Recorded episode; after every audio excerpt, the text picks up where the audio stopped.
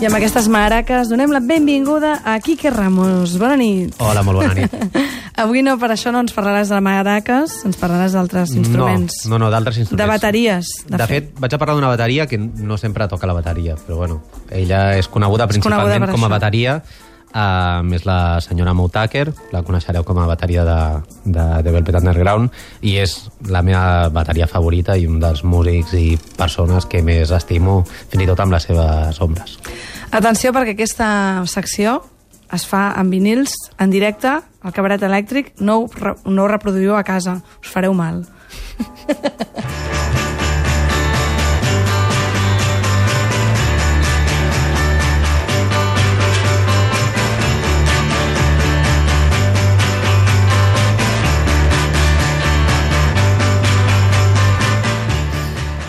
Doncs la història de com va començar a tocar la bateria la Mo Tucker eh, i com va entrar al grup és boníssima. És, de... és una història bastant guai. Mm -hmm. Ella va començar a tocar després d'escoltar els Rolling Stones per la ràdio. Eh, va tenir una d'aquestes epifanies que expliquen, com amb alguns músics així més famosos, de que anava conduint amb el seu cotxe, amb la ràdio posada, i de sobte va sentir una cançó dels Rolling Stones i es va, va haver de parar el cotxe perquè no, no podia conduir amb Epifania aquella música màxima. tan increïble i, i amb aquella música que, clar, en aquell moment tot, era- tot era nou, no... O sigui, ningú a la ràdio anava a dir eh, això no ho veig clar, no sé què. Eren els No- Rolling no- Stones no era amb el moment dels Rolling música. Stones. No. Llavors va arribar a casa, el primer que va fer va ser dir-li a una amiga escolta, he sentit un grup que es diuen els Rolling Stones, anem a comprar el disco, se'l va comprar, va, es va tirar una setmana sentint el disco sense parar, i llavors veia que, hòstia, que estava sentint el disco tota l'estona i que necessitava fer alguna cosa amb les mans perquè es- s'estava tornant boja. Llavors es va comprar una, una caixa de bateria, que és com... La bateria té com dos peces així principals. Una seria com... Hi ha com dos tambors, un de més petit i un altre de més gran. Um, el més gran seria el Goliath, el que fa pom, pom, pom, i la caixa seria el que fa pam, pam, pam.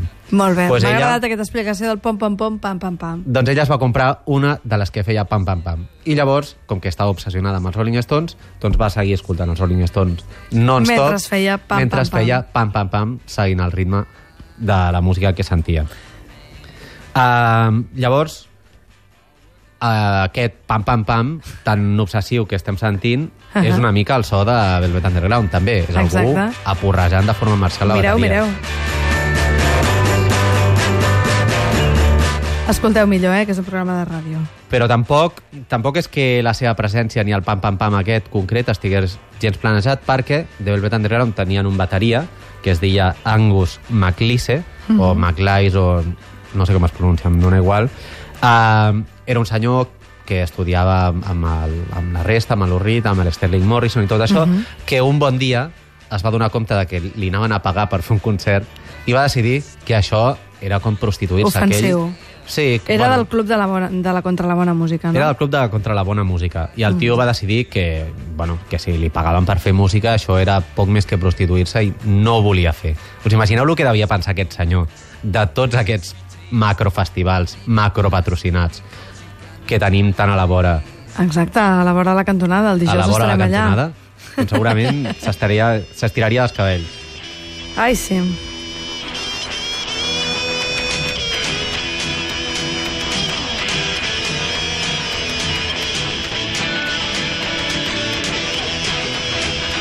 Total, que aquest senyor estava tan enfadat que va marxar perquè ell no volia cobrar per viure, per, per ser feliç eh, tocant música. Ah, I aquí apareix la nostra amiga. Apareix el Sterling Morrison, de fet, que, bueno, que era amic del germà de la Mota, que llavors ell va dir ostres, conec una noia que És toca la bateria friki. mm, que té com una pinta andrògina que potser encaixaria amb el grup perquè és, és una mica estranya també com, com nosaltres Mhm. uh, i res, doncs la van, la van elegir només per això perquè sabien que, Que era una mica andrògina. que era una mica estranya i que podia seguir un ritme. Al principi de tot, ella només de començar a tocar, doncs va començar a tocar d'en peus, evidentment mm, podia seguir un ritme, però no podia fer allò, virgueries, ni dobles bombos, No ni podia res. fer de bateria de Lenny Kravitz, no? Exacte. Llavors ella el que feia era agafar el bombo, que uh -huh. seria com aquesta cosa gran que fa pom-pom-pom, però a lo bèstia. No el que fa pam, pam, pam, eh? No, el que fa pam-pam-pam no. El que fa pom-pom-pom tampoc. És el que fa bum, Bum, bum, bum. Llavors, li va donar la volta, com si fos mm. un tambor més, Sí. i amb unes masses doncs anava fent pum pam pum pam pum pam pum pam pum pam i tant era així que un cop quan no hi havia bateria al local on anava no li havien robat o no sé doncs simplement agafava dos cubells d'escombraria perquè total, per fer seguir un ritme i per fer pum pam pum pam No cal tanta cosa. Tampoc no cal tanta cosa. I ella, una mica la seva manera de tocar la bateria, ella volia fer una mica com aquest ritme del, del Body Lay, que, que feia una mica així. Pim, pirim, piripirim, pim, pim. I mira, I mira,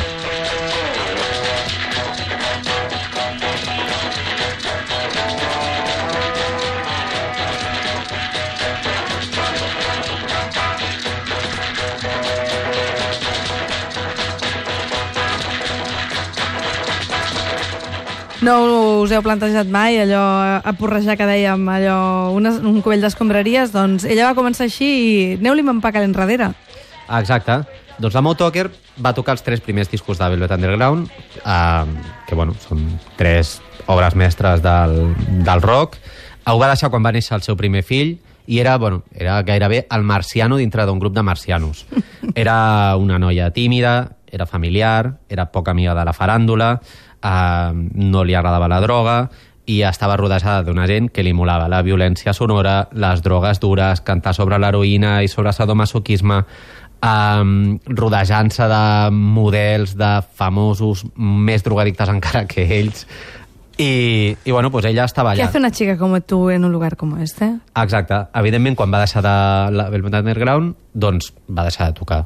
I al cap d'uns anys, de 10 o així, quan els fills ja eren una mica més, més grandets, mm. ella doncs, tocava al seu garatge tal, i va començar com a juntar-se amb alguns freaks una mica com ella, com l'Alan Bishop de Sun City Girls o el Jad Fair de Half Japanese, i bueno, doncs I aquí va acabar- néixer la ram- l'amor màxim. Exacte.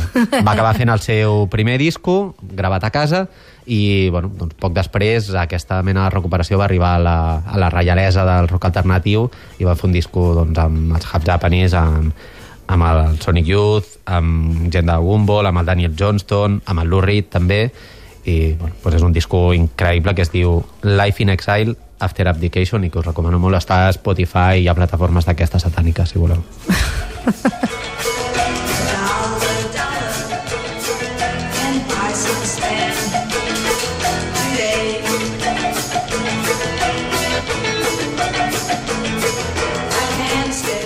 Doncs la Mo Tucker és la demostració de que una passió val molt més que tot, que es pot fer art de, sobre qualsevol cosa, que pots seguir el, el ritme dels teus discos favorits amb un cubell d'escombraries, juntar-te amb quatre frics de jove o juntar-te amb quatre frics després de tenir fills i sent una senyora de família.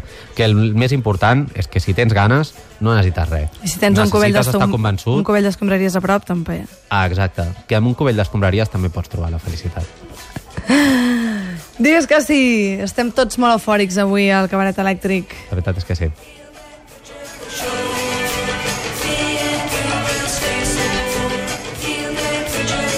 Per cert, oients, que si contesteu a la pregunta del Facebook de qui és el vostre doncs, um, periodista o, o vaja, articulista preferit, podeu guanyar aquestes espardenyes que estem regalant. Nosaltres hi tornarem demà a les 9 de la nit. Quique Ramos, un home que sempre porta sabates enllustrades. I... Quina gran mentida. Quina gran mentida, però és tan bonica la ràdio per això. Està molt bé, si m'escoltes, mama, és veritat. Eh, exacte. I nosaltres tornarem demà a les 9 de la nit. La Mireia Isar, en Josep Maria Marçà i qui us ha parlat, Montse Virgili. També la Mercè Rigual, eh? que no la diem mai perquè treballa pels matins per fer aquest, possible aquest programa. Bona nit.